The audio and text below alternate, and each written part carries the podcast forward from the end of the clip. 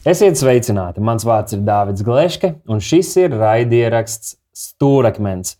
Šodien kopā ar mani sarunā ir mans mentors, mācītājs un mīlīgs tēvs, brīnišķīgs līderis, mācītājs Vilnis Gleške. Prieks atkal parunāt. Satikt, jā, Dārvid. Kas ir stūrakmens? Stūrakmens ir laiks, kad mēs satiekamies, lai parunātu par kādām valstiskām lietām, vai teoloģiskām lietām, bibliskām lietām. Uh, kā mēs to darītu tik un tā, bet cilvēkiem, kuri ir tikuši pie šī linka, pie šīs saites, ir iespēja paskatīties, ieklausīties, apsvērt to, ko mēs runājam un ko mācāmies, mm -hmm. uh, un izdarīt savus kaut kādus secinājumus. Mēs ceram, ka šī saruna uh, un izvirzītā tēma arī jums būs aktuāla un svarīga, un ka tās domas, kuras mēs pārspriedīsim, kuras Dievs dod, ir cik vien mēs spējam tās uh, pārskatīt un pārdomāt tiešām bibliskas un saskaņā ar Dieva vārdu un gribu mūsu dzīvēm šajā laikā, ka tās nāk par svētību jums. Jā, ja jūs uh, esat priecīgi un atbalstāt un saņemat svētību no šādiem te uh, raidierakstiem, tad priecājamies, ka jūs uh, uzspēdiet to īkšķīt gaisā, ierakstiet kaut ko komentāros un droši padalieties ar šo raidierakstu. Tātad tēma. Tēma ir ļoti, ļoti svarīga. Jau šajā nedēļas nogalē uh, mūsu visā valstī notiks liela mobilizācija uz vēlēšanu iecirkņiem, ja tā drīkst teikt. Bet, protams, ka vēlēšanas notiek ik pa laikam, un, ja gadījumā kāds skatās, klausās šo raidierakstu nedaudz vēlāk, arī tad tas var būt par svētību. Jo vēlēšanas būs atkal un atkal un atkal līdz Kristus nāks. Vismaz mēs uz to tā mēs ceram. Tā ceram jā, tā mēs uz to tā ceram, ka mums būs iespēja to darīt. Mm -hmm. uh, bet saistībā ar vēlēšanām, un īpaši šajā laikā, daudziem Eh, cilvēkiem sabiedrībā, bet tāpat arī kristiešiem ir radies, eh, radušies jautājumi, par ko tad balsot, kā kristietim vajadzētu spriest un izvērtēt par mhm. kādu partiju vai politisko spēku vai pat eh, nu, kandidātu, izraudzīties un kur no viņiem tā, tā tad atdot to savu balsi. Tāpat arī daudz ir pazaudējuši mazo, mazo, mazo balstiņu, bet tāpat arī daudz, protams, ir pazaudējuši cerību, ka kaut kas var mainīties, un ir kādi, kas ir gājuši un gājuši balsot, bet it kā nekas labāk nepaliek, un tad rodas jautājums, vai vispār nepieciešams piedalīties. Ir jautājumi par to, kā kristietim un politikai vajadzētu miedarboties, tad vai vispār kristietis arī var būt politikā par visiem šiem jautājumiem. Mēs centīsimies jums īsi šodien atbildēt un parunāt, un sāksim ar pašu pirmo. Bet mēs atbildam tiem, kas nezina, vai mēs principā izrunājam tās lietas. Mēs paši labāk iemācāmies, mēs kādiem atbildam, kur ir iesūtījuši mhm. jautājumus, un tiem, kam vienkārši interesē dzirdēt vēl kādu viedokli. Jo es ah. zinu, ka ir daudz cilvēku, kuri, protams, nenoklausās vienu kādu viedokļu līderi un mhm. nepaņem viņa, bet paklausies tur, paklausies tur, un tad pats padomā, un tad arī izveido to savējo. Un cerams, mhm. ka mēs kaut kā varam nest kādu pienesumu šodien. Un pirmais jautājums, ar ko mēs iesāksim, ir, vai kristietim vajadzētu lūgt par politikā esošajiem Uh, un arī par visu šo vēlēšanu procesu. Jo viens no jautājumiem, kas tika iesūtīts, bija vēlēt vai lūgt. Uh, wow. Bet es gribētu nu, pārfrāzēt šo pašu pirmo soli. Vai wow. vajadzētu lūgt? nu, droši vien, ka es, es tā domāju, ka neatradīsim gandrīz nevienu cilvēku, kurš teikt, ka nevajadzētu lūgt. Vēl jau vairāk mācītāji. Varbūt mēs nevienmēr izprotam, nu, kāpēc mēs lūdzam. Mm -hmm. Jā. Nu, un šeit Šeit varbūt der tas, nu, tas, tas bibliskais tas, nu, koncepts par to, ka mēs jau necīnāmies pret cilvēkiem, jā, pret mm -hmm. partijām. Jā. Apostols Pāvils to vēstulē Eviziešiem 6. nodaļā viņš saka, ka mūsu cīņa nav pret miesu un asinīm, bet pret valdībām, varām, tumsības pasaules spēkiem. Es savu, savu versiju. Tātad Tas cilvēks, kurš teiksim, saliek savus rokas lūkšanā un saka, es teiktu, lūdzu pret, eh, nu, pret kādu konkrētu politisku spēku, es lūdzu pret šitiem vai pret tiem, nu, tas tā nedarbojas. Jā. Lūkšana nestrādā pret cilvēkiem. Lūkšana nestrādā pret, nu, pret kaut kādiem tur, nodokļu uzstādījumiem. Lūkšana darbojas garīgā atmosfērā. Un tā kā mēs redzam fiziski, ka mēs redzam, ir valdības, ir prezidenti, ir spēki, ir armijas, mm -hmm. ir visādi nu, tā, tā, dažādi līmeņi visām varām un spēkiem.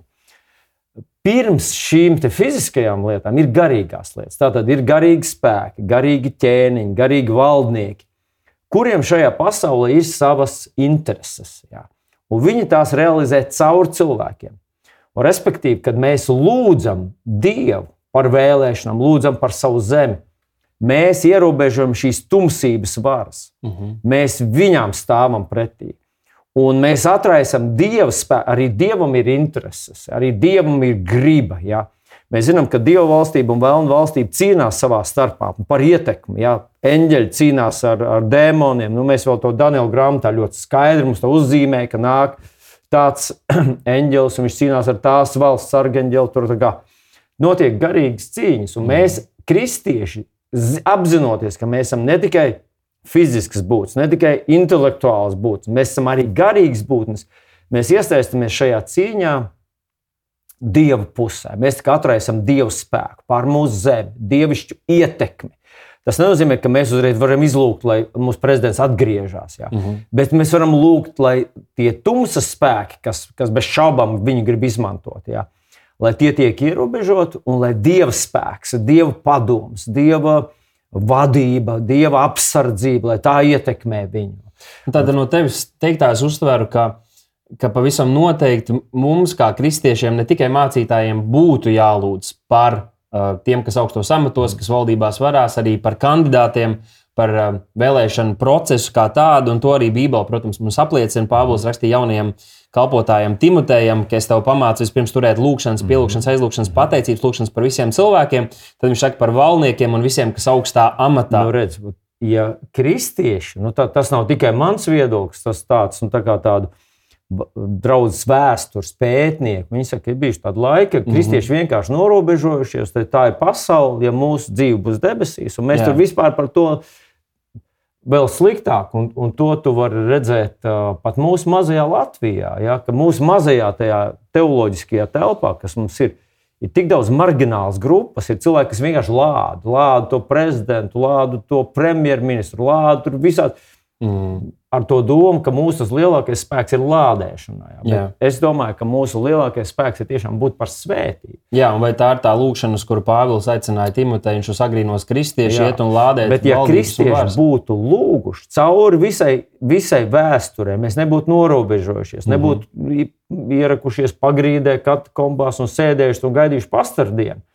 Iespējams, ka pasaule izskatītos savādāk. Ja vēlnam nebūtu tik brīvs mm. rokas darīt visus tos asins darbus, šausmu darbus, kas pasaulē ir notikuši. Nu Jā, un arī Pāvils saka, ka šīs lietas mums ir jādara, mums ir jālūdz par šiem cilvēkiem, kas ir valdnieki un kas nonāk augstos amatos, lai mēs mierīgi varētu dzīvot un, un tātad klusi visā dievbijā un cienībā. Tātad tas iznākums šādai lūkšanai, bibliskai, par valdībām, arī par politiskiem spēkiem, ar kuriem mēs iespējams ne, mūsu domas nesakrīt, un arī tajā laikā tās varas, kas valdīja pār jūdu tautu un ar apkārt esošajām, nebija nemaz, nevarētu teikt, ka dievbijīgs tieši otrādi varētu kāds teikt, ka tās bija ārkārtīgi bezdievīgas un ļaunas. Tomēr šis aicinājums lūgt, tad lūgt kristiešiem vajadzētu. Jautājums, kā lūgt, tas nav šī te, lūgšana, lai nolādētu, bet drīzāk svētīt. Tā var būt arī lūgšana, vai ne par glābšanu. Ja mēs varam lūgt par mūsu līdzcilvēkiem, par to, lai Dieva, lai, lai dieva gars vai nedarbojās šo cilvēku sirdīs, arī viņiem taču ir jātiek glābtiem. Par dievišķu gudrību, par izšķirtspēju, par drosmi. Arī tur ir cilvēki, kas cīnās, varbūt kas pat dievu nepazīst, bet kas cīnās ar savu sirdsapziņu, kas grib rīkoties pareizi. Un tas, ka mēs iestājamies un lūdzam, tas var arī atnest svētību šiem, šiem cilvēkiem. ļoti precīzi piezīmē, ka pat tiem, kurus mēs tā kā skatoties televizora ekrānā, norakstām, ja, Mm -hmm. Viņos notiek cīņa, viņos ir sirdsapziņa, un svētais gars viņus var uzrunāt, rīkoties pareizi. Es ticu, ka pēc idejas, pēc savas būtības, cilvēks grib rīkoties godīgi un pareizi. Un, un uz tā principa ir balstīti visi tie, nu, kā, kā to sauc, tā, nu, ka pieslēdz cilvēku pie datora, un, teiksim, ja viņš melo, uzreiz viņa ķermenis reaģē negatīvi, ja, Mm -hmm. sirdsdarbība pātrinās un tā tālāk. Jo cilvēks negrib, negrib darīt aplamas lietas. Ja? Un, un kad mēs lūdzam par šiem cilvēkiem, nevis teiksim, viņus nolādam, mēs pastiprinām šo dievu valstības ietekmi šiem cilvēkiem, modinām viņas sirdsapziņu, svētais gars viņus var uzrunāt.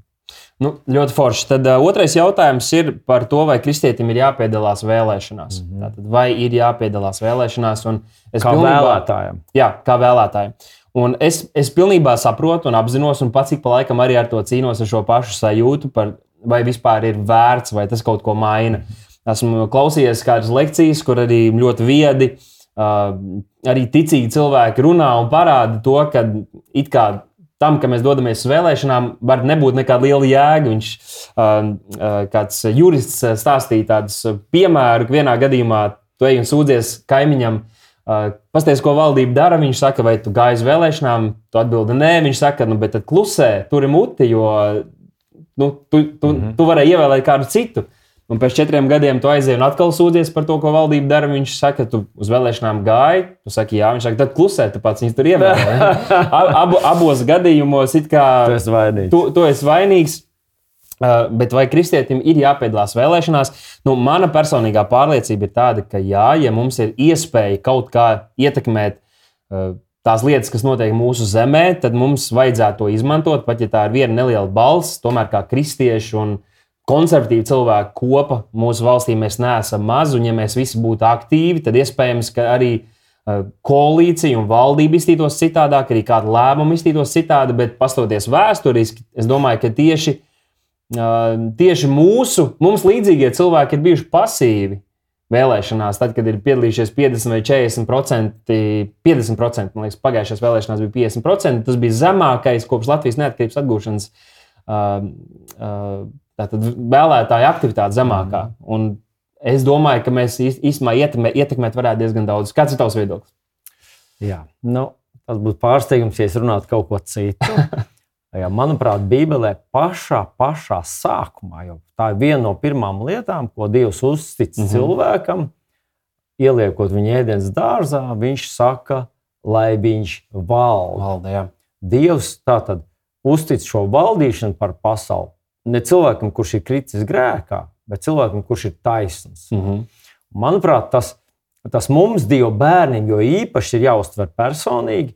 Mēs saprotam, ka zeme pieder Dievam un ka šo atbildību par šo zemi, atbildību par zemi, Jā. valdīt tajā, tātad stāvēt kaut kādām nepareizām lietām pretī. Tas tā kā nu, tavā dārzā ir kaut, kāds, kaut kas, ko tu gribi, lai aug, mm -hmm. un kaut kas, kas ne, un kaut kādā neizskaidrojamā kārtā tas, ko tu negribi, tas ir aktīvāks, tas aug ātrāk. Un ko tu, tu dari? Tu ej, tu stāv pretī, tu rauj ārā, tu cīnies ar to pastāvīgi. Mhm. -huh. Un mēs, protams, visi gribam izdarīt kaut kādu vienu vēlēšanu, kaut kā saņemties, un tad pēc tam, lai tas ripo no kalna lejā, un viss ir tikai pareizi. Un tā nenotiek. Bet tā, tā doma, ko es cenšos pateikt, ir, ka, ka Dievs šo atbildību par pasauli, par zemeslodi ir uzticējis Dieva bērniem. Un tāpēc, manuprāt, ir ļoti loģiski, ka Dieva bērni gan rūpējas par klimatu, ja, gan rūpējas par zemes tīrību, gan nemēslo, gan uh, rūpējas par savas pilsētas tīrību, mm -hmm. šādu un tādu, un vēl vis, visādi citādi. Tātad mēs gribam, lai, lai Dieva bērni uzņemās atbildību. Nu, es gribu atgādināt rakstvietiņu, kur visi mēs zinām, tā ir Jeremijas grāmatas 29. nodaļa, 7. 7. pāns, kur apustulis, piedod, tas ir pravietis Jeremija, kurš saka, uh, raksta vēstuli, viņš saka, rūpēties par to pilsētu, kurā Dievs jūs līdzis ir aizve, aiz, nu, kur Dievs jūs līdzis aizvest. Es ticu, ka Dievs mūs visus ir nolicis šeit, mūsu zemē, un respektīvi, dodoties uz vēlēšanām, mēs kaut ko varam ietekmēt. Jā. Nevis neko nevaram. Manā jā. atmiņā vēl ir tie laiki, kad ej vai nē, ja rezultāts vienalga būs 99,9, ja viss būs nobalsojuši par vienu partiju. Mūsu gadījumā mēs kaut ko varam ietekmēt. Un eh, tas noteikti pat pilnīgi tā tāda bibliskā pavēle ir, jā, bibliski, mums ir uzticēts, jā, rūpējies par savu zemi. Jā. Dieva bērns, man brāl un māsa, mums par to ir jādara. Jā. Tā kā, ja, ja varētu nu, kaut kāds tur, uh, nu, tāds, kurš neņem nopietni dievu vārdu, viņš varētu teikt, man nav īsti mandāti iet uz vēlēšanām, man vienalga, kas tur būs, ja man ir savs, savs kaktiņš un tā. Tad Dieva bērniem būtu jāiet jā, no, no visas, visas plašās, lielās, milzīgās Latvijas. mazā ciematiņā būtu jādara tas, kas ir jākāpj uz riteņa, jākāpj uz zirga, jākāpj mašīnā, laivā, jā, ar lidmašīnu jālido. Bet jādodas vēlēt un jāpieņem nu, tas atb ļoti atbildīgs šis solis, jā, par ko tad es vēlēšu. Uh, jā, ļoti, ļoti pareizi. Uh, Tātad kristietim būtu jāpiedalās vēlēšanās, ja ne pašam jākandidē, tad vismaz, vismaz jāiet uz vēlēšanām, jānobalso par kādu, un tas jāizdara ļoti atbildīgi. Un, uh, par šo mēs vēlāk vēl parunāsim, ko tas īsti nozīmē, vai ne? Jo tas uh, visdrīzāk nenozīmē, ka tu vienkārši pirmo kādu, kur tu dzirdi, ka kāds ir kristietis kaut kur partijā vai ne pirmā kāda partija, kas ehm, Facebookā tev ir, tevi ir targetojusi un trāpījusi tev un eh, izvēlējusies tevi par savu upuri, nu, tad viņai arī tev jādod savu balsi. Bet reāli ir vērts apskatīt mm -hmm. partijas, apskatīt kandidātus, apskatīt un iedziļināties, veltīt tam laiku. Jo, ja, mēs, ja kaut kas mums tiešām rūp, mēs iedziļināmies, mēs veltam laiku. Uh, un mēs esam pietiekami gudri, lai spētu spriest veidā, kas varētu būt par uh, svētību uh, mūsu zemē. Un, uh, lai pašiem pēc tam nav jānožēlo, vai ne? Kā kādreiz tomēr gadās. Uh, nu, te ir tāds arī interesants jautājums, iesūtīts. Es biju ierakstījis Instagram, lai kādu no maniem sekotājiem atsūta. Nu, jautājums. Kā, jā, kā, kā, kādi jautājumi rodas viņiem un cilvēkiem viņiem līdzās. Uh, tad šeit ir jautājums par uh, valdībām un varām. Un tas skan aptuveni tā, ja visas valdības un varas ir dieva ieceltas, tad nav taču nekādas nozīmes tam, uh, vai un par ko mēs balsojam. Mm -hmm. nu, es saprotu, ka šī, šis jautājums izriet no Pāvila vēstules romiešiem 13. nodaļas, kur pirmajā pantā rakstīts, cik viens lai ir paklausīgs visām varām, tad otrajā pantā rakstīts, ah, jā, tajā pat pirmajā pantā, jo nav valsts varas kā vien no dieva. Un tās, kas ir, ir dieva ieceltas. Ja? Tā tad ir cilvēki, kas paskatās šo vienu raksturvietu un saka, ka Dievs ir tas, kurš ieceļ šīs valdības. Tad jau, ko mēs tur jaucamies pa vidu, Dievs taču ieliks īstos cilvēkus. Mēs kā vienmēr visu atbildību gribam uzkraut dievam, ja, ka viņš ir tas, kurš uh, par visu atbild. Ja. Visā, ir, ir tāda vesela tāda doktrīna par to, ka pasaulē notiek tikai tas, ko Dievs grib. Ja. Un, ja wow. tas tā ir noticis, ja, nu, tā tad Dievam ir kāds nodoms, kāds slepens plāns, kur mēs uzreiz nevaram atpazīt, kāds nomiris, nosities, tur teikt, noslīcis. Ja. Nu, Dieva ceļš ir tā, tas jā. labais teiciens, Dieva ceļš neizdevts. Jā, nu, manuprāt, eh, tas nav tik vienkārši un viennozīmīgi. Bez šaubām, Dievs valda par pasauli, bet Viņš valda caur cilvēkiem. Atcerieties, ēdienas dārzā mēs tikko runājām, pieminējām, ka Dievs ielika cilvēku un teica, es eh, dodu tev varu. Jā. Un Dievs valda caur saviem dievu bērniem, jā, caur tiem, kas realizē viņa gribu, un vēlams, protams, cīnās to savu cīņu caur cilvēkiem, kas viņam ir atvērti. Mm -hmm. Un šeit ir ļoti, ļoti līdzīgi. Ja. Nu, tā Pāvila rakstvieta, bez šaubām, Pāvils to ir uzrakstījis svētā gara iedvesmots, un viņi ir absolūti pareizi. Bet viņu saprast mēs varam ļoti, nu, paskatoties mazliet vēsturē. Ja. Un, nu, manuprāt, ļoti zīmīgs un spilgts gadījums ir Mozus, kuru Dievs ieceļ par tautas līderi. Jā, viņš tā tad ir tas, kurš ir kā, nu, šodien mēs viņu nosauktu par prezidentu, prezidentālā republikā, vai par karali, vai par līderi. Mm -hmm. Mozus, ap citu, viens no spilgtākiem, tādiem labākiem līderiem, īsta valsts vīra sirds. Jā. Dievbijīga sirds un reizē, reizē ir valsts vīra sirds. Un viņš tātad ved savu tautu ārā no Eģiptes zemes, jā, viņš tur pats uzņemās visas tādas riskus. Nu, mēs to visu zinām. Bet tad viņi nonāk kādā situācijā, un Mozus kādu laiku nav pieejams. Jā, viņš ir 40 dienas augšā, viņš runā ar Dievu. Kas notiek? Kas notiek tautā? Tauta tajā laikā, tajā pozīcijā, kuru bija iedibinājis Dievs, saka, mēs paši izvēlēsim mm. sev līderi, ah. un mēs paši sev iecelsim Dievu. Tātad ne tikai Dievs nu, ne tikai cilvēka amata tajās oficiālās, nu, angļuiski ir office, ja, vai tajā varas pozīcijā. Dievs bija iecēlis cilvēku, vai Dievs gribēja, lai tas cilvēks tur ir. Bet tauta iecēla savu. Ja. Mhm. Un, un tas ir tas, kas ar mums notiek ja, pasaulē šobrīd. Mēs it kā pierakstam to dievam, bet mēs paši, tos, kas valda pār Latviju, tie, kas mums ir prezidenta amatā, premjerministra amatā, To mēs cilvēki esam ielikuši. Nevis Dievs. Dievs ir radījis to, to amatu. Jā. Dievs ir radījis šo, te, no šo varas varas Pozīcija. pozīciju. Jā. Jā.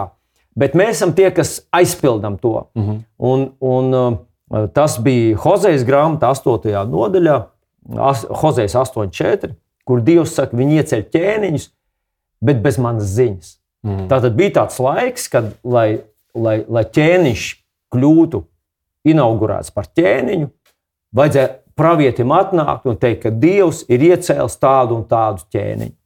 Bet laikam ejot, jā, tie pravieši vairs nebija tik uzticami, un tauta arī vairs negribēja to gaidīt, ko tur nedrošība, neskaidrība, kuru tad viņš izvēlēs un kā viņš rīkosies.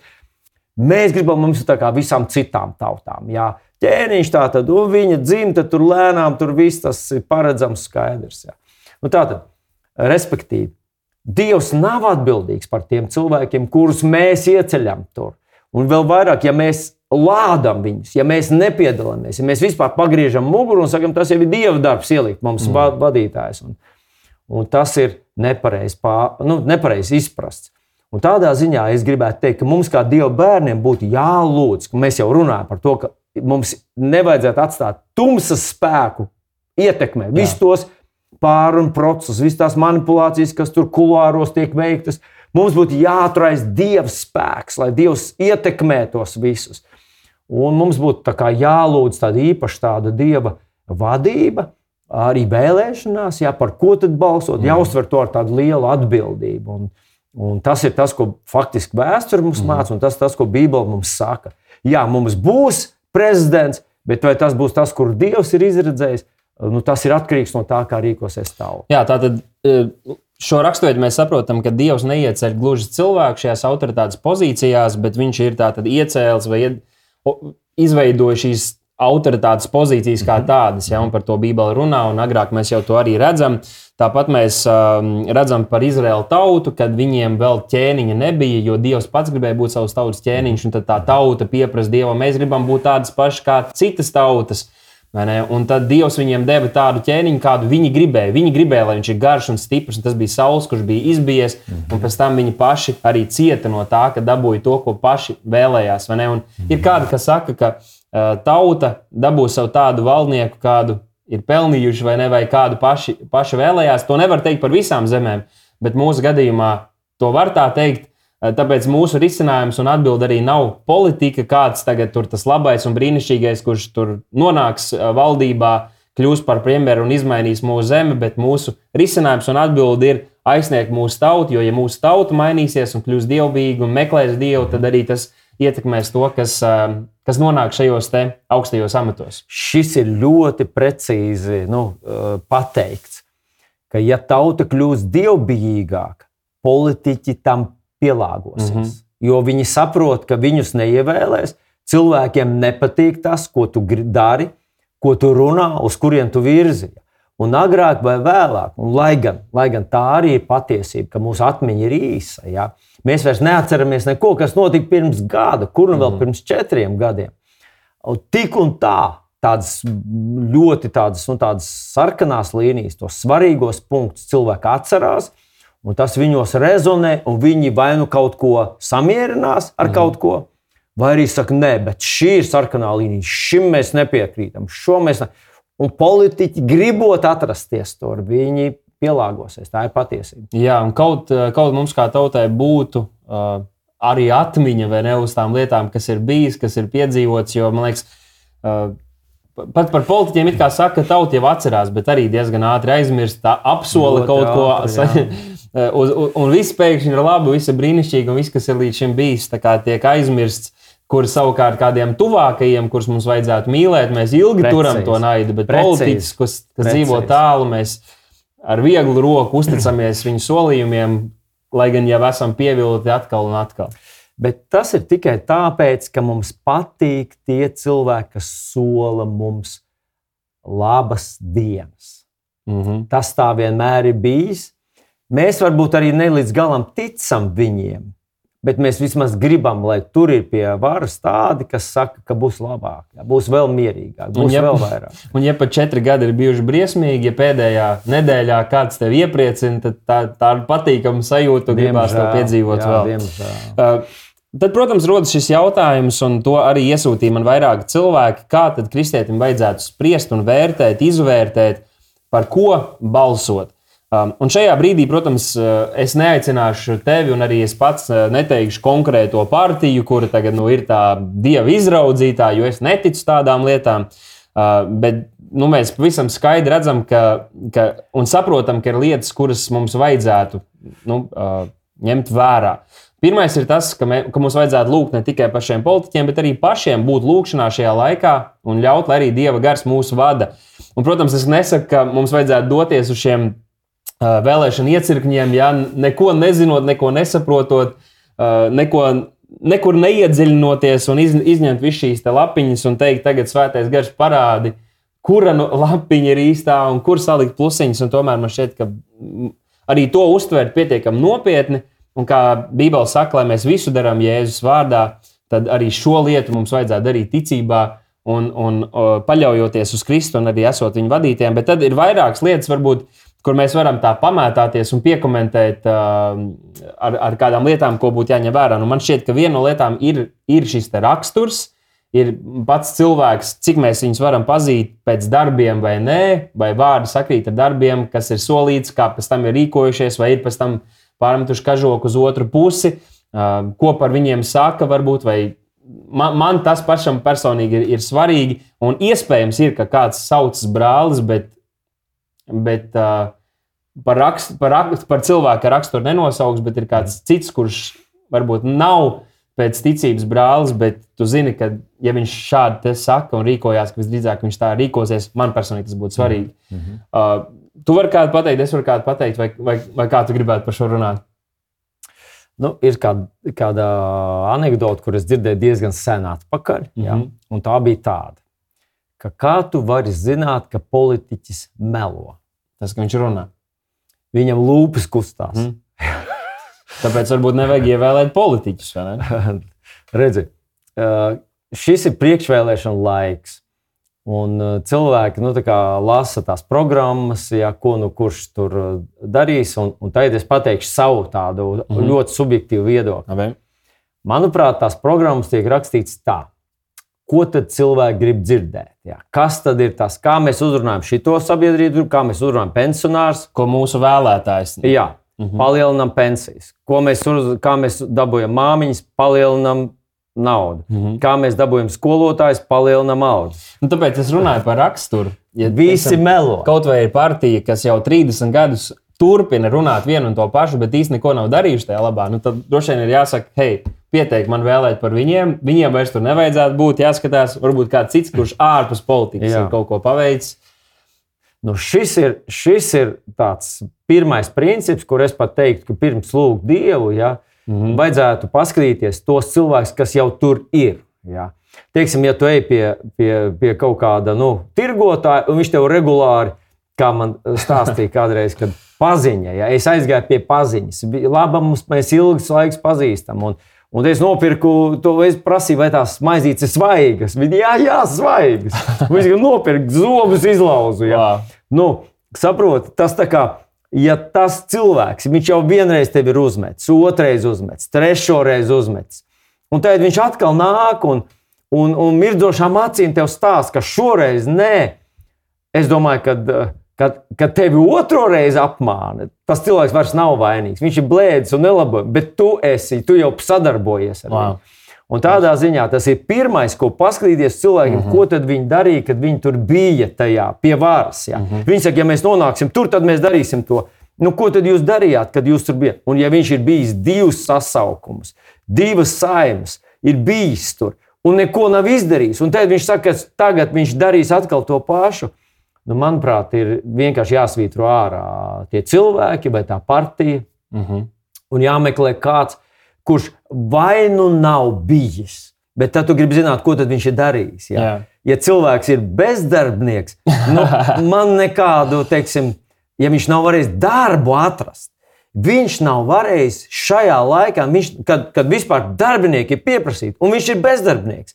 Nu, vēl, ja teiksim, automehāniķis ies uz saimnu, bet tas ir likumdevējs. Vai tad tu, tur vajag kaut kādu valsts līmeņa skatījumu? Nu, vēl es domāju, nu, kāds saka, es esmu uzņēmējs, es esmu uzņēmējs, es esmu uzņēmējs, es esmu, zinu, kā vadīt. Nu, uzņēmējs, ja, ja uzņēmējs vadītu mūsu valsti, viņš visdrīzāk atlaist no darba visus pensionārus, jo viņi nav efektīvi. Atlaist no darba visas grūtnieces māmiņas, jo nu, kāds pienesums no viņām un, un tā tālāk. Tā kā vienkārši tā, tāds vienkāršots skatījums uz lietām, nu viņš, nu viņš, es, protams, nenorakstīju un necentos tā norakstīt visus cilvēkus. Mm -hmm. Jā. Cilvēku, bezdarbnieks no bezdarbnieka atšķirās. Jā. Un tomēr būtu ļoti labi, ja mūsu valstī jau būtu tādi cilvēki, kurus laicīgi gatavotos to. Būt, varbūt fakultāte kaut kāda, varbūt tas būtu kaut kāds, nezinu, kaut kāds tur nezinu, neformāls. Uh, Nē, nu tādas mums jau ir. Varbūt. Katrā partijā ir mazie politiskie karjeristi, kas ir Aha. no 12 gadiem uzauguši par politiķiem. Bet, bet, bet, Tādus mēs taču negribam tur redzēt. Nezinu, nezinu. viņi, viņi, ir, nu, viņi ir tajā partijas skolā mācījušies runāt, mācījušies spriest, mācījušies vērtējuši tos cilvēkus, skatījušies uz iepriekšējo politiķu kļūdām.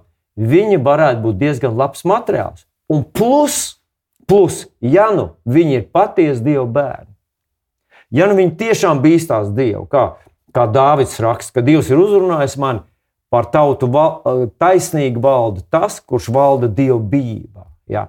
Ķēniņš Dāvids to saka, un viņš staigā Dievu priekšā, nu, Dieva bībā ar, ar retiem izņēmumiem. Tā kā, nu, pirmkārt, es gribētu paskatīties uz tiem, kas tur, tur ir bijuši ilgstoši. Ja? Un neko nav izdarījuši no tā, ko es viņu pārāk svītroju. ilgi aizsēžās, tas ir, nav veselīgi. Tur tomēr būtu vajadzīga rotācija. Nu, nu redz, Bet redziet, šādi mēs sarunājamies. Mēs eh, ne visur piekrītam, bet tas ir, tas ir labi. Katram var būt savs viedoklis par to. Jā, Tiksim, nu, ja es, 20 es gadus jau domāju. tur sēdi, tad droši vien, ka tu pārāk daudz kaut kur jau iebāzi savus rociņus. Iespējams. Nu, es, es, eh, atkal tas cilvēks no cilvēka atšķirās, jo tēvs ir visu mūžu tēvs. Jā. Un, un ar gadiem, nu, teiksim, li, lidmašīnas pilots, jā, jo vairāk stundas viņš ir nolidojis, jo viņš ir kompetentāks, jo viņš vairāk nu, ir -hmm. gatavs tām, tām ekstremālām situācijām. Arī teiksim, cilvēks, kurš atrodas varas tajos gaiteņos ilgstoši, viņš sāk redzēt to bildi kopumā. Viņš zina visas tās sfēras, paraujas šīs sfēras, kas notiek, kā tas mainās. Jo vienkārši kāds no malas saka, es pielikšu pensijas, jā, es uh, pielikšu algas, uh, es palielināšu visus, visiem maksāšu, visiem došu. Viņš nemaz nezina, cik plāns tas maciņš ir mm -hmm. un kā tas maciņš tur salasās. Tā kā šajā gadījumā nu, nu, tādiem, kas iznīrs no nekurienes un saka, es būšu labs premjerministrs, Nu, man nav tādas lielas uzticības. Viņam. Nu, labi, tātad, atgriežoties pie tēmas, uh, tātad pēc kādiem kritērijiem vajadzētu izvēlēties? Tu teici, pirmais ir jau Tavuprāt, pirmais ir izvērtēt to, Ka, kur jau viņš ir bijuši, ko viņi ir darījuši. Kas viņš ir? Jo viņš, viņš pretendē uz pašu, pašu augstāko atmatu, uz lielāku atbildību. Mm -hmm. Ja viņš nu, mazās lietās ir neusticams, jā, nu, kā viņš var būt uzticams lielās lietās? Jā. Uh, tad es minēju jau šo par, uh, par cilvēku raksturu, kas būtu arī teiksim, šī uz, uzticamība, varbūt arī solījumi, darbi, tas sakrīt ar to. Uh, vēl cik, cik nu mēs varam uzzināt par cilvēku, tad, protams, mums kā kristiešiem ir arī šīs te. Uh, nu, viņu pozīcijas, arī partiju pozīcijas. Tagad nesen uh, Facebookā ir kādas lapas, kas publicēja partiju viedokļus un pozīcijas sa saistībā ar uh, nu, tādiem bibliskās morāles jautājumiem, kas ir par dzīvību, par brīvībām, par uh, nu, aborti un, un tam līdzīgi, par ģimeni, par laulību, uh, par reliģisko brīvību un, un, un tam līdzīgām lietām, kur mums būtu jāsliecās un jāvēlas, lai tomēr tās tiek uzturētas un uh, nu, godātas, uh, gluži kā mēs to paši vēlamies darīt uh, par, par, par bērnu drošību un tā tālāk. Uh, Nu, un tad, protams, jā, kompetence, kvalifikācija, tas ir tas, ko tu jau teici, vai ne? Vai cilvēks arī ir kompetents varbūt tajā jomā, uh, kurā viņš grib darboties, un uh, vai, vai tās lietas, kuras tiek solītas, vispār ir, ir, ir, ir izpildāms. Ir izpildāms, Jā. bet pārsvarā jau nav vismaz grūti iedomāties, kā, kā kaut ko tādu var pacelt. Un visbiežāk tās lietas arī netiek darītas. Ne? Jā. Nu, redz, mūsu draudzē ir viens cilvēks, kurš tāds, nu, ar, ar milzīgu labu izglītību un ar lielu pieredzi finanšu lietās. Tad viņš saka, tā, ja politiķis runātu godīgi, tā mm -hmm. kā tas ir un kā viņš darīs, viņu neievēlētu. Mm -hmm. Vienkārši cilvēki grib, nu, kādreiz bija tāds teiciens, ka cilvēkiem daudz labāk klausās, kā bagāts melo, nekā nabaks runā patiesību. Uh, nu, tas, tas ir par to arī, kad, uh, ka bagāti cilvēki tiek uh, nu, milzīgi cienīti. Ja? Mums liekas, ja viņam ir nauda, viņš ir ārkārtīgi nu, gudrs. Ne visas, ne visas bagātības ir godīgā ceļā saraustas, un līdz ar to arī ne visām nāk līdz svētība. Un dažkārt viņi to savā namā nu, prasmīgi noslēpj, ja? bet visa sazakta nauda viņi nes līdzi kādu lielu nelaimi. Kaut kur viņu mājā tā nelaime ir, par cik tā māja ir liela un aizkari ir biezi, viņi māk to noslēpt, bet uh, viņi neatnes prieku, ja tāda sazakta nauda. Dažreiz tie vecie zagļi, viņi vienkārši sakož zobus un iztur līdz galam ar domu, ka viņi to nodos mazbērnu, bērniem un mazbērniem, ka viņi vismaz savas ģimenes dēļ piecietīs visu tās lielās no sirdsapziņas, tās sāpes, mm. nedrošību par mūžību un vienkārši nelaime. Kaut kur tajā mājā ir nelaime. Bet tā nauda arī bērniem neatnes laimi. Mm. Un, ja to, ja cilvēki to apzinātos, cilvēki neļautos visādiem koruptīviem gadījumiem. Tātad bagāts cilvēks nevienmēr nozīmē, ka viņš tiešām ir tāds patiesi un godīgi to ar savu darbu ir sastrādājis. Viņš ir mācījis izmantot kaut kādus nogājus gar pašu, pašu tā, ka viņi nepieķēra un nearestē un neielika. Ja? Varbūt tur, kur būtu jābūt, bet uh, kaut, ko, kaut ko tas atnes līdzi. Nu, protams, ka tātad, kas viņš ir, ko viņš ir darījis līdz šim. Un tādā ziņā man, man zināmā mērā izraisa simpātijas tādi jauni cilvēki, kas saka, ka man nav pieredzes, bet es zinu, ka man tur ir jāiet, un viņi cīnās, un, un, un viņi saka, es iemācīšos, es ātri mācos, es gribu saprast, kā tas darbojas, un man ir rūpe par, par bērniem, par jauniešiem, piemēram. Mm. Un viņam nav tās, tās pieredzes, jā, bet viņš saka, es gribu iemācīties, un es, tas, tas ir mans aicinājums. Mm -hmm. Citiem vārdiem, es ticu, ka ir cilvēki, kuriem tas ir aicinājums. Kristi, es runāju šo, šobrīd par ticīgiem cilvēkiem, patiesiem dievu bērniem, patiesiem jauniem puišiem, jaunām meitenēm, kas saka, politika ir mans. Jā. Es gribu tur iet, ja man tas fascinē, pievelku. Viņi varbūt ne, ne tik daudz par mūziku, par koncertiem, tur par kaut kādu, tur, nu, nezinu, ko tur, bet viņus tur vēl. Jā. Dievs palīdz viņam. Es, es vienmēr lūdzu, lūdzu nepadodies. Lūdzu, nenovirzies no sava ceļa, kad ir grūti vai kaut kas nesanāk, vai cilvēki tev netic. Tur ir vajadzīgi dievbijīgi, jauni, gudri cilvēki, kas saprot, ka tur ir vajadzīgi nu, patiesi cilvēki. Un katrā ziņā es domāju, ka cilvēkiem un kristiešiem, kas ir aicināti darboties šajā vidē, ir jābūt. Jā, jāsaliek pietiekami daudz drošības pilvens un jābūt pamatīgi noenkurotiem. Jo, nu, cik es skatos, kā Bībele runā par kārdinājumiem, par kārībām jā, un visām, ja, tā, ir, tā ir gan vara, tā ir uh, slava, tas ir uh, finanses resursus, jā, tad jā. tieši šajā konkrētajā nu, kalpošanas darbības vidē tie ir vislielākie, visspilgtākie, es domāju. Un, kā ir tas teiciens, ka vara korumpē, bet absolūti vara absolūti korumpē. Un, kā, tur doties un sevi pasargāt, un būt nokalpot, teiksim, četrus gadus, un nostrādāt tur, un nebūt tam, kurš sasmērējis, kas iet uz kompromisiem. Uh, ar savu ticību, ar savu sirdsapziņu, tad, tad tā ir. Tur jābūt stipram cilvēkam, un, ja kāds nav gatavs, vēl, bet nu, kādreiz arī nemaz tur nevar tik ātri tikt, un tu lēnām arī pieaudz un nostiprinies tajā ceļā.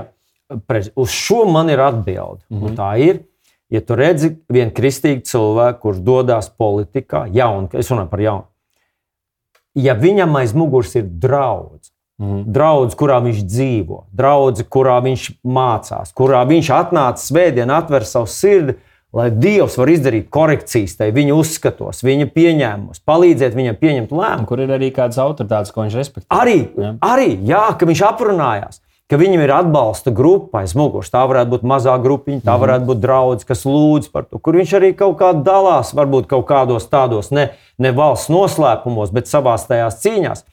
Viņam ir milzīga garantija tiešām kļūt par tādu īstu, patiesu, dieva mm. ordinētu valsts vīru. Jā. Un tas ir tas, ko uh, mums Latvijā vajadzētu lūgt. Dievs sagatavo šos jaunos vīrus un sievas, tādus esteras ķēniņus, tādus, tādus prezidentus, premjerministrus, ministrus, kam ir tāda, tādas īstas kristīgas saknes, īsta bibliski pareiza tā uzbūve. Ja? Ka viņš nevis viens pats tur kaut kur tur klīst un saka, ka ir kristietis uz vēlēšanām, bet mm. viņam ir šī saikne ar to atbalsta grupu.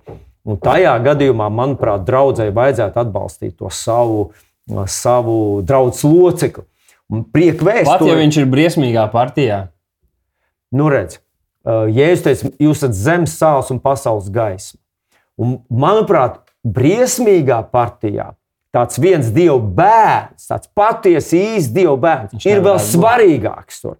Viņš tur var būt klāt, viņš var pateikt, par ko jālūdz. Viņš var ietekmēt ar savu balsi, ar savu pārliecību. Es domāju, savu... ka tāds kristietis nevarētu būt tādā partijā. Nu, es nezinu, par ja kuru tur nesakrīt vērtības. Teiksim, pavisam nesakrīt vērtības. Jā, nu, viņš visdrīzāk viņu tur iz, izēdīs ārā. Jā, jā. Viņu izmetīs ārā no turienes. Teiks, ko tu te jauc visu. -hmm. Bet eh, bez šaubām, jā, kad, kad eh, nu, viņam vajadzētu atrast to savu komandu, ar kur kopā viņš var iet. -hmm. Bet, ja jau runājam, tad, tad nākošais jā, pie tā, kā izvēlēties to, par ko balsot tas būtu tās vērtības. Un, ja partija atklāti saka, ka mēs esam par abortiem, jā, ka tas ir, tās ir sievietes tiesības, jebkurā vecumā, un tagad tas uh, aborta, tas, uh, tas grūtniecības laika termiņš ar vienu tiek pacelts augstāk, augstāk, augstāk. Nu jau, nu jau gandrīz nezinu, nedēļu pirms dzemdībām jau drīz varēs. Latvijā nu, arī? Nē, Latvijā nav. nav tī, es precīzi nezinu, mm. neesmu interesējies, bet ja partija atklāti to saka, ja partija atklāti saka, ka mēs uzskatām, ka ģimene ir jebkas sanāk kopā, vienalga, mm. kas tie ir, ka tikai mīl viens otru. Jā. Ja viņiem ir savstarpēji kaut kāda simpātijas, tā ir ģimene, dodiet viņiem bērnus. Nu, es domāju, ka kristietis nevar balsot. Mm. Tad, tad, tas ir um, tās, tās sarkanās līnijas, vienalga, cik krustus viņi netur rokās un, un, no kādām baznīcām viņi nenāk, mm. ja viņi atklāti to saka, zinot pat, ka tautā tas nav tik populāri. Tajā pašā laikā mēs saprotam, ka, ja partijas atklāti saka, teiksim, par tādām, nu, tad patiesībā ir vēl sliktāk. Jā. Tad patiesībā viņi ir pētījuši uh, mm. tautas, un tad lielai daļai vienalga. Liela daļa saka, ko tur kāda starpība, ja man, man, mans tēvs un mamma tāpat mm. izšķīrās, ja kāda starpība. Un tad mēs pazaudējam to reālo to pamatu, kas mūs ir atvedis līdz šai dienai. Un tā mēs esam pie raidierakstu otrās daļas, kur mēs parunāsim kristietis politikā. Mēs jau mazliet tam pieskārāmies, tāpēc dažiem jautājumiem nemaz pārāk daudz laika mēs Lai. neveltīsim. Tātad, pirmais, kas bija tātad, paredzēts un arī sūtīts par to, vai kristietis drīkst iesaistīties politiskajās aktivitātēs, tātad personīgi, vai varbūt kopā arī ar citiem tā, tos to starp nesāt partijas logo, dalīt bukletus, iesaistīties partijā. Praktiskā veidā pats vēl nesot kandidāts, bet nu, tātad, kā mm -hmm. politisks aktīvists. Nu, Pāvils rakstīja, ka viss mums ir atļauts, bet ne viss mums der, viss mums ir atļauts, bet nekas nedrīkst mūs kalpināt. Ja? Mums ir attiecīgi sev jānēsā šajā pasaulē, lai mēs būtu gaisma un sludināt Kristu. Tomēr tu jau teici, ka cilvēki, kas ir, aicinā, ka ir kristieši, kuri ir aicināti būt politikā, tad noteikti ir arī kristieši, kuri ir aicināti būt tur. Uh, negluži kandidātu vidū, bet arī kā atbalstītāji, kā aktīvisti, kā lobbyisti un vēl, vēl visādi varētu dēvēt um, uh, cilvēkus, kur noteikti var tur un drīkst darboties. Vai ir kaut kāda problēma, ja kristietis grib iesaistīties politikā un būt ļoti aktīvs uh, politiskā spēka atbalstītājs? Nu, es domāju, ka mēs jau atbildējām šo jautājumu, ka tā nav problēma. Mm -hmm. Drīzāk ir otrādi. Ka drīzāk tev pašam, tam cilvēkam pašam, sev vajadzētu uzdot jautājumu, kāpēc es to daru, ko daru. Jā. Un, ja viņš ir sapratis, ka tas ir viņa dievu at, dot atbildību, ja, ka Dievs ir izredzējis viņu, lai viņš tur kaut kādā kapacitātē piedalās, mm -hmm. nu tad, tad es, es lūgtu, lai viņš piedalās. Noteikti, lūdzu, ej, bet Noteikums ir tāds, ka kristietis ir kristietis draudzē, viņš ir kristietis mājās, un viņš ir kristietis arī tur, kur viņš ir. Mm. Jā, mhm. tur, kur, tas nav tā, ka es tur, tur, tur neviens nezina, ja es esmu slepenais, tur tu Jā. esi tur ar to, kas tu esi. Tas nenozīmē, ka tev jāliek visiem klausīties tavu sprediķu un visiem uzreiz jāceļās kājās, ka tu tur lūdz Dievu vai Jā. ko. Bet tu tur esi tāds, kāds tu esi. Jā, tu esi ar savām vērtībām, tu esi ar, savām, no, nu, ar savu stāju. Tu esi ar neslēpjot, kas tu esi, un neslēpjot to, ko tu gribi izdarīt. Un es personīgi domāju, ka kristietim būtu jābūt atpazīstamākam, pat tādam, kurš ir aicināts būt politikā atpazīstamākam par to, ka viņš kalpo kungam Kristum, nevis ir no kaut kādas konkrētas partijas. Uh, jā, bet konkrēts partijas atbalstītājs. Jā, jā. Nu, nu redz, es nezinu, tā, tur par to ir diskutējama. Vai tev jāuzliek krusts uz muguras, jā, lai viņi zinātu, ka tu esi kristietis, vai jāizvelk ārā. Ne, ne, no. ne par to ir runa. Uh, Okay, tātad šeit mēs saprotam, bet kas notiek, ja, piemēram, mūsu draudzē ir mazā, mazā grupa un kāds teiksim, mazās grupas vadītājs tagad izdara spiedienu uz grupu cilvēkiem, tā mēs balsosim par šo partiju, un jūs nāciet kopā ar mani tagad aģitēt cilvēkus teiksim, -hmm. uz ielām. Viņš Vai pat, kad, ja tās ir draudzes, kur tas notiek, piemēram? Jā. Vai tas ir nu, pareizi? Runāsim par mazo grupu. Jā. Mazās grupas vadītājs teiksim, ir piedalās kaut kādā tur, un viņš saka, tā, mūsu mazā grupa, un cik vien jūs varat vēl no draudzes sarunāt cilvēkus, mm -hmm. un visiem obligāti jābalso par šito te, nu, partiju. Viņš pārkāpj savus pilnvarus. Viņam mm nav tādas pilnvaras. Viņam, viņa, viņa pilnvars, mazās grupas vadītāja pilnvars ir palīdzēt cilvēkiem iepazīt Kristu, jā, atrast savu kalpošanu, pieaugt Kristu. Tas ir viņa pilnvars. Tikko viņš sāk šitādus tekstus bīdīt, viņš pārkāpj. Vai viņš saka, teiksim, jūs te piedalīsieties manā multilevel marketinga sistēmā. Ja? Mm. Jūs te pirksiet no manis, es, tur, es, es būšu vadītājs un visa mūsu mazā grupa tirgo kaut kāds mans produkts. Mm. Viņš pārkāpj savus pilnvarus. Viņš uh, okay, nedara pareizi. Viņš būtu jāapsauc. Tu kā mācītājs, vecākais mācītājs, nekad to īstenībā nedarījis, bet tev būtu pilnvars draudzē, tā teikt, drau, draudz pārliecināt, teikt, draudz, mēs balsosim par šo partiju. Mm -hmm. Jūs visi ejiet tagad ārā un stāstiet draugiem, šī ir mūsu partija. Nu, šis, šis ir tāds jautājums, kur tāds varbūt daļēji tu aizķēri tādu jautājumu, nu, kuram ir ļoti dziļa gara vēsture. Mm -hmm. Tas ir, kad, nu, kad kristieši vienā dienā teiksim, nonāk pie tāda slēdziena, mums ir tik daudz, jā, savienojamies visi kopā un valdam par savu valsti ar politisku spēku, mm -hmm. ar varas spēku. Visā vēstures gaitā tam ir vienmēr bijušas bēdīgas sekas. Mm. Nu, bija tāds laiks, kad pāvests izsludināja karus, kad pāvests ietekmēja tur visas visādas varas un visu politisko situāciju. Tam bija ļoti negatīvas sekas. Nu. Vēl šodien mēs skatāmies, ka mūsu pāvests, tagad darbojušies pāvests, kas ir uh, aizmirsts uzreiz, kā viņu sauc. Jā, viņš ir neatbalsta Ukraiņu. Viņš vispirms grib aizbraukt uz Krieviju un sarunāt, tur tikties ar, ar to mm. pareizticīgo baznīcu, to tur un viņu pozīciju sadzirdēt. Tikai tad viņš tur kaut ko domā, varbūt to Ukraiņu atbalstīt vai nē. Jā. Un šeit mēs redzam, kad pāvests saka, kad nu, lieku pēdiņās. Jā. Es vispār ne, neatzīstu pāvesta figūru, tādu kādu viņam piedēvēja kristīgajās tajās hierarhijās Mm. Bībele neko tādu nerunā. Tā, kā, tā ir katoļa padarīšana, es neesmu katolis un es pateicīgs Dievam, ka neesmu katolis. Bet es redzu, ka tāda garīga figūra it kā sāk iejaukties tādās politiskās lietās, tas ir aplam. Jā. Viņa, manis kā mācītāja, pienākums ir, draudzene nav mana draudzene, tā ir Kristus draudzene. Man ir manas pilnvaras, kuras mm. man ir dotas, jā, un tā ir apelsīns Pāvils raksts ka Dievs ir izredzējis dažus par ganiem, evanģēlistiem, skolotājiem, praviešiem, apstuļiem, lai svētos sagatavotu kalpošanas darbam. Man nav, nav nekad bijis tāds, Jēzus to nekad nav darījis, kaut kādu politisku, veidot kaut kādu politisku schēmu, sistēmu, mm. lai ietekmētu teiksim, no tās varas vertikālas uz leju. Manuprāt, tas tieši ir pretrunā tam, kā Jēzus darīja. Jo Jēzus savā laikā negāja ne pie Pilāta, ne, pat, ne pie Heroda, lai gan iespējams, ka kad uh, efekts būtu bijis nu, teiksim, nesalīdzināms spēcīgāks jā, mm -hmm. nekā 120 uh, cilvēku augšstāvā vasaras svētku dienā. Jā. Bet, ja es to nedarīju, viņš pateica, mana valstība nav no šīs pasaules. Ja man valstība būtu no šīs pasaules, man kalpi cīnītos par to, lai es nekristu Herodu rokās. Jā. Bet man valstība nav no šīs pasaules. Mēs nevaram ar garīgiem ieročiem, mēs nevaram uzcelt fizisku valstību. Mums tad jāsāk lietot fiziski ieroči, un tie mums nav. Mēs lasījām tikko apstākļu Pāvila vārdu 6. iepazīšanas 6. nodaļā, ka mūsu cīņa nav pret miesu un asinīm. Jā. Un nav par miesu un asinīm. Mūsu cīņa ir pret valdībām, varām. Mēs sludinām Kristu. Draudze ir šajā pasaulē, tā ir Kristus draudzene. Tā nav mācītāja draudzene, tā nav biskupa draudzene, tā Jā. nav tava, mana. Mēs esam šeit, un kā Dievs mūs ir iecēlis nu, mēs varam būt neusticīgi savā vietā. Un, manuprāt, tas ir bīstami. Un draudzene nav, lai celtu kādu kalpotāju, bet lai celtu Kristu. Mēs visi kalpojam viņam, katrs savā Tieši veidā. Tā. Tieši mēs tā. esam par viņu, viņu valstību, bet visā.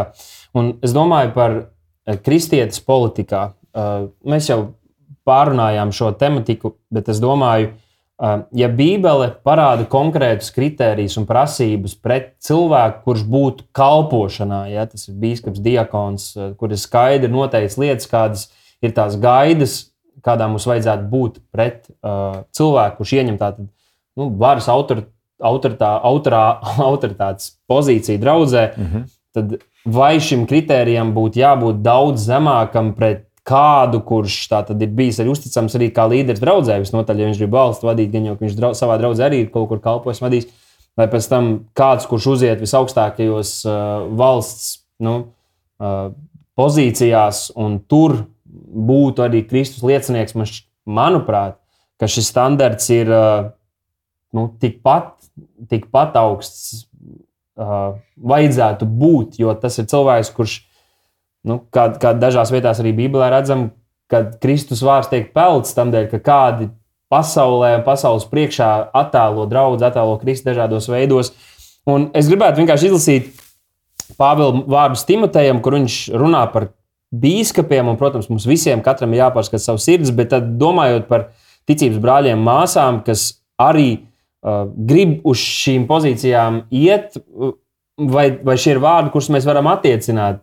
Nu, es nezinu, man liekas, ka tas man vismaz tas ir palīdzējis domājot. Un, un mūsdien, mūsdienās, un arī šodien, no diezgan daudzām partijām, uh, diezgan daudzās partijās ir kristieši, kas ir tādā draudzē, tādā draudzē. Uh, kuri kalpo, kuri ir patiesi kristieši, kuri cenšas startēt un, un tic, ka Dievs viņus tur aicina. Uh, Vienas sievas vīram ir jābūt sātīgam, prātīgam, godīgam, viesmīlīgam, izveicīgam mācīšanā, ne dzērājam, ne kauslam, ne lēnīgam, ne ķildīgam, ne mankārīgam. Ne lēnīgam, bet tu pār, pārlasījies. Tātad, bet lēnīgam, lēnīgam. ne ķildīgam, lēnīgam, bet ne, ne ķildīgam, ne mankārīgam.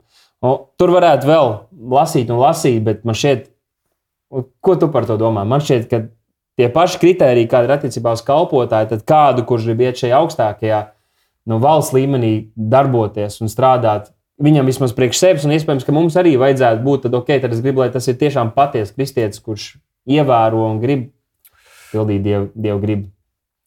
David, tie bija kādi gadi atpakaļ, diezgan daudz gadu atpakaļ. Mani, kā, es vairs neatceros tās nianses, mani kaut kā paaicināja mm -hmm. nu, arī piedalīties pie tajā laikā bija tāda nu, Latvijas kristīgā partija vai, vai, vai kaut kā tamlīdzīga. Varbūt es mazliet eh, jaucu, bet mm -hmm. nu, tā bija. Nu, es gāju, tur bija diezgan daudz arī tādu kristīgu cilvēku, ja, kas tur piedalījās un tika runas par, par valsti, par tautu, par dažādas problēmas tika minētas, un ka mēs varētu kaut kā ietekmēt tās lietas uz labo pusi. Ja. Nu, Tā tad viena tikšanās, otra tikšanās, trešā tikšanās. Nu, lēnītēm es sāku arī piedalīties pie tādas, nu, tādas partijas tās kuluāru darba. Ja. Nu, lūk. Un kaut kur, es nestāstīšu garu to stāstu, bet kaut kur vienā posmā es sadzirdēju, ka Dievs mani uzrunā. Jo man arī bija šī, te, šī te doma par to, ka es esmu mācītājs, lokāls draugs mācītājs, un kad, un ka tas ir nākošais posms, vai nākošais pakāpiens, vai lielāks pakāpiens, lielāka atbildība, tur lielāks teiksim, tas, tas svīrs, tu vari ietekmēt vairāk cilvēku dzīvi.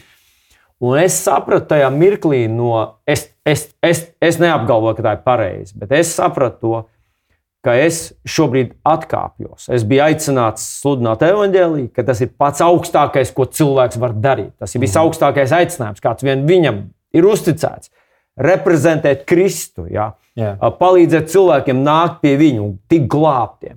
Un tas, ko es tagad esmu vēlējies darīt, ir kā, nu, pamatīgs atkritiens uz atpakaļ. Es sāku ar cilvēkam metodēm, kaut kā manipulēt, kā mēs varam izdarīt to un to, kā mēs varam panākt to, kaut kur pogu mēs varam piespiest, lai nostrādātu tas. Un es skaidri sapratu, ka man tur nav jābūt. Jā. Mm -hmm. Tas arī ar manu personību nu, galīgi negāja kopā. Es, es, nu, es tur tā, tā kā. Tā kā Ar, jā, naglai galā ar cīru, tur pat taisno runāja cilvēkiem. Jā. Tur tā nevar. Tur tā kā ir nu, tā, kā, tā, tā kompromisa māksla. Tur kā nesaki, tur tā, tu tāds, tā ir tik slidena, tik gluma, tik tāda. Tur, nevar saprast tur tās schēmas, kā tas darbojas, vai kā tas tajā laikā tika mm. darbināts. Un es sapratu, ka nē, man, es palikšu savā augstajā aicinājumā, visaugstākajā, kas cilvēkam ir, un tas ir kalpot draudzē, tas mm. ir kalpot cilvēkiem, reprezentēt Dieva valstību šeit. Jā. Tā kā varbūt es nebūtu tik ļoti strikts tajos uzstādījumos pret vienu cilvēku, kurš saprata, ka viņam jādodas politikā, viņam kaut kas tur, teiksim, viņam laulībā nav izdevies, jā, mm. viņš ir otrais apprecējies. Mēs redzam, starp kalpotājiem tas notiek. Jā. Mēs redzam, šodien, mūsdienu laikā, tas spiediens uz vienu ģimeni jā, mm. šķirties tieši tajā grūtajā posmā, kad sabiedrībā vajadzētu būt, manuprāt, tādā veselīgā sabiedrībā vajadzētu būt nu, tādam spiedienam, ka izturiet. Jā. Jūs varat tikt tam pāri, jūs varat atkal atcerēties tās labās dienas, kas jums ir bijušas. Jā. Tajā brīdī visi atgādina par to, ka uh, tās ir toksisks attiecības. Kas ir toksisks? Tikko uzliec tam savam dzīvesbiedram zīmolu, ka viņš ir toksisks, ja viss, ko viņš saka, mani, mani neceļ vairs, es nevaru augt kopā ar viņu. Visu. Tev ir vienkārši no viņa jāatbrīvojas, jābēg. Jā. Viņš jāizmet ārā no savas dzīves, jo viņš nemainīsies. Nu, un tad mēs redzam to pa kreisi, pa labi, kreisi šķirās visi šodien. Un tas ir tāds. Nu, tajā pašā laikā uh, jaunās derības uh, šis aicinājums par, pret jebkuru kristieti ir dzīvot svētdienas un patīkamu dzīvi, jo jā. tās dzīves nav mūsu. Jā. Bet īpaši pret tiem, kas ir kalpotāji, un varētu es uzskatu, pret tiem, kas ir kaut kādā augstākos amatos, kas valda pār citiem, vada citus, uh, tā atbildība ir lielāka šo pazemīgo sirdi, mīlestību, lēnprātību parādīt. Jā. Uh, jo mēs kādu dienu būsim atbildīgi. Jā, Viņa priekšā tieši tā. Mēs par to, ko esam draudzē runājuši, ko esam stūrakmenī runājuši, bet būs arī tie, kā mm, draudzē, ka bija tā sērija, plaiša pielīdzinātāji, to arī minēja, arī tie, kas ir politikā, kas tur darbojušies, viņi Dieva priekšā nesīs atbildību. Jo Dievs šo pozīciju ir, ir, ir ir radījis, un Jā. viņi to ir aizpildījuši. Viņi, viņi priekšā būs atbildīgi par to, kā un ko ir rīkojušies. Noslēdzošais jautājums par to, ka baznīca ir atdalīta no valsts, un šis jautājums tika rakstīts tieši priekš tevis, tad tu arī pirmais var atbildēt, un es beigās izdarīšu vēl kādas kopsavilkumu. Tātad, ko mācītājs domā par apgalvojumu? Vara ir laicīga, tāpēc kristietība jānošķir no politikas, gan vēlētājiem, gan ievēlētāj, ievēlētājiem. Es absolūti, pagaidu, es nesapratu varbūt visu to jautājumu būtību, ja, bet es absolūti piekrītu tam, ka vara ir atšķirta no, piedod, ka, ka, ka draudze, ka dieva darbs ir atšķirts no varas struktūrām. Mm -hmm. Un tas nozīmē tikai to, ka varas struktūrām nevajadzētu jaukties draudzes darbā. Bet šeit šis iespējams, ka tā ir atsevišķa saruna, un tā ir tāda, nu, tāda mm, drusku tāda neviennozīmīga saruna, jo tur var būt viedokļi dažādi pat tādiem mm -hmm. ticīgiem cilvēkiem.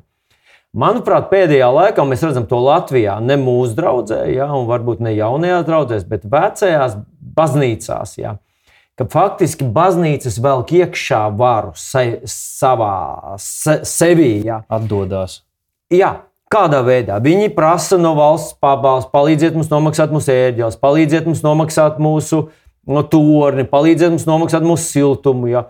Iedodiet mums uh, vakarēdienu maizītes, mums pietrūkst, ja? mums nav naudas pašiem. Mm -hmm. Un tikko vara sāk tevi finansēt, viņi uzmedā, uzvedās līdzatbildīgi par to, kas tur notiek. Mūsu draudzē skandāls, ja? kura grupa ir pareizā, var iejaucās, var sūtīt savu to tur.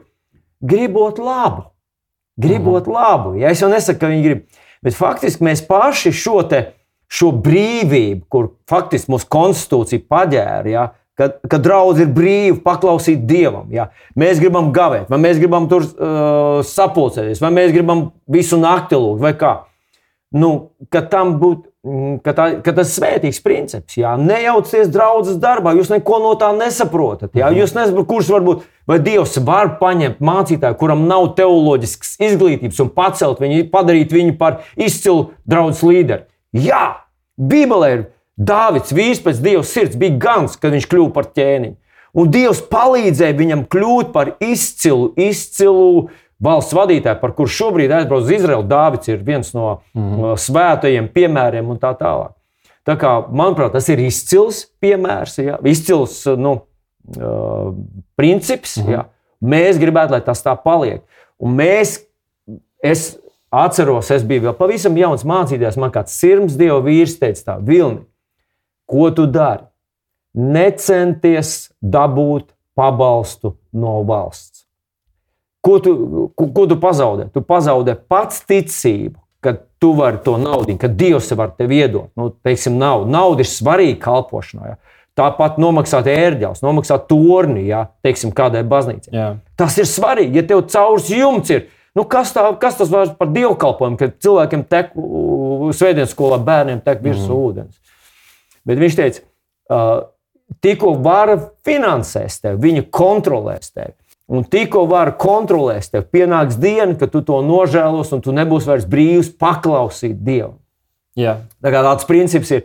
Mēs to esam ievērojuši, un tiešām mēs pateicos Dievam, ka Dievs ir svētījis mūsu draugus cilvēkus, ka viņi ir varējuši atbalstīt draugu darbu, mēs esam varējuši izdarīt to, ko esam izdarījuši. Un patiesībā mēs esam nevis saņēmuši no valsts, bet mēs esam ļoti daudz devuši arī pašvaldības līmenī, daudzās organizācijās, kur ir nepieciešama palīdzība. Mēs esam cenšies uz āru arī palīdzēt. Jā, mēs esam Ukraiņai sūtījuši gan, gan degvielu, pirkuši tonnas, gan arī humanitāro palīdzību, palīdzējuši. Nu, Manuprāt, tas ir tas brīnums, ja, ka mm -hmm. Dievs taču mums palīdz. Hei, mēs esam Dieva draugs. Mēs neesam kaut kādi tur šitādi vai tādi, vai vēl kaut kādi nabadzīgi. Ja, palīdziet mums, lai mums palīdz neticīgie cilvēki, tāpēc, Jā. ka mēs ticam Dievam. Bet jābūt otrādi.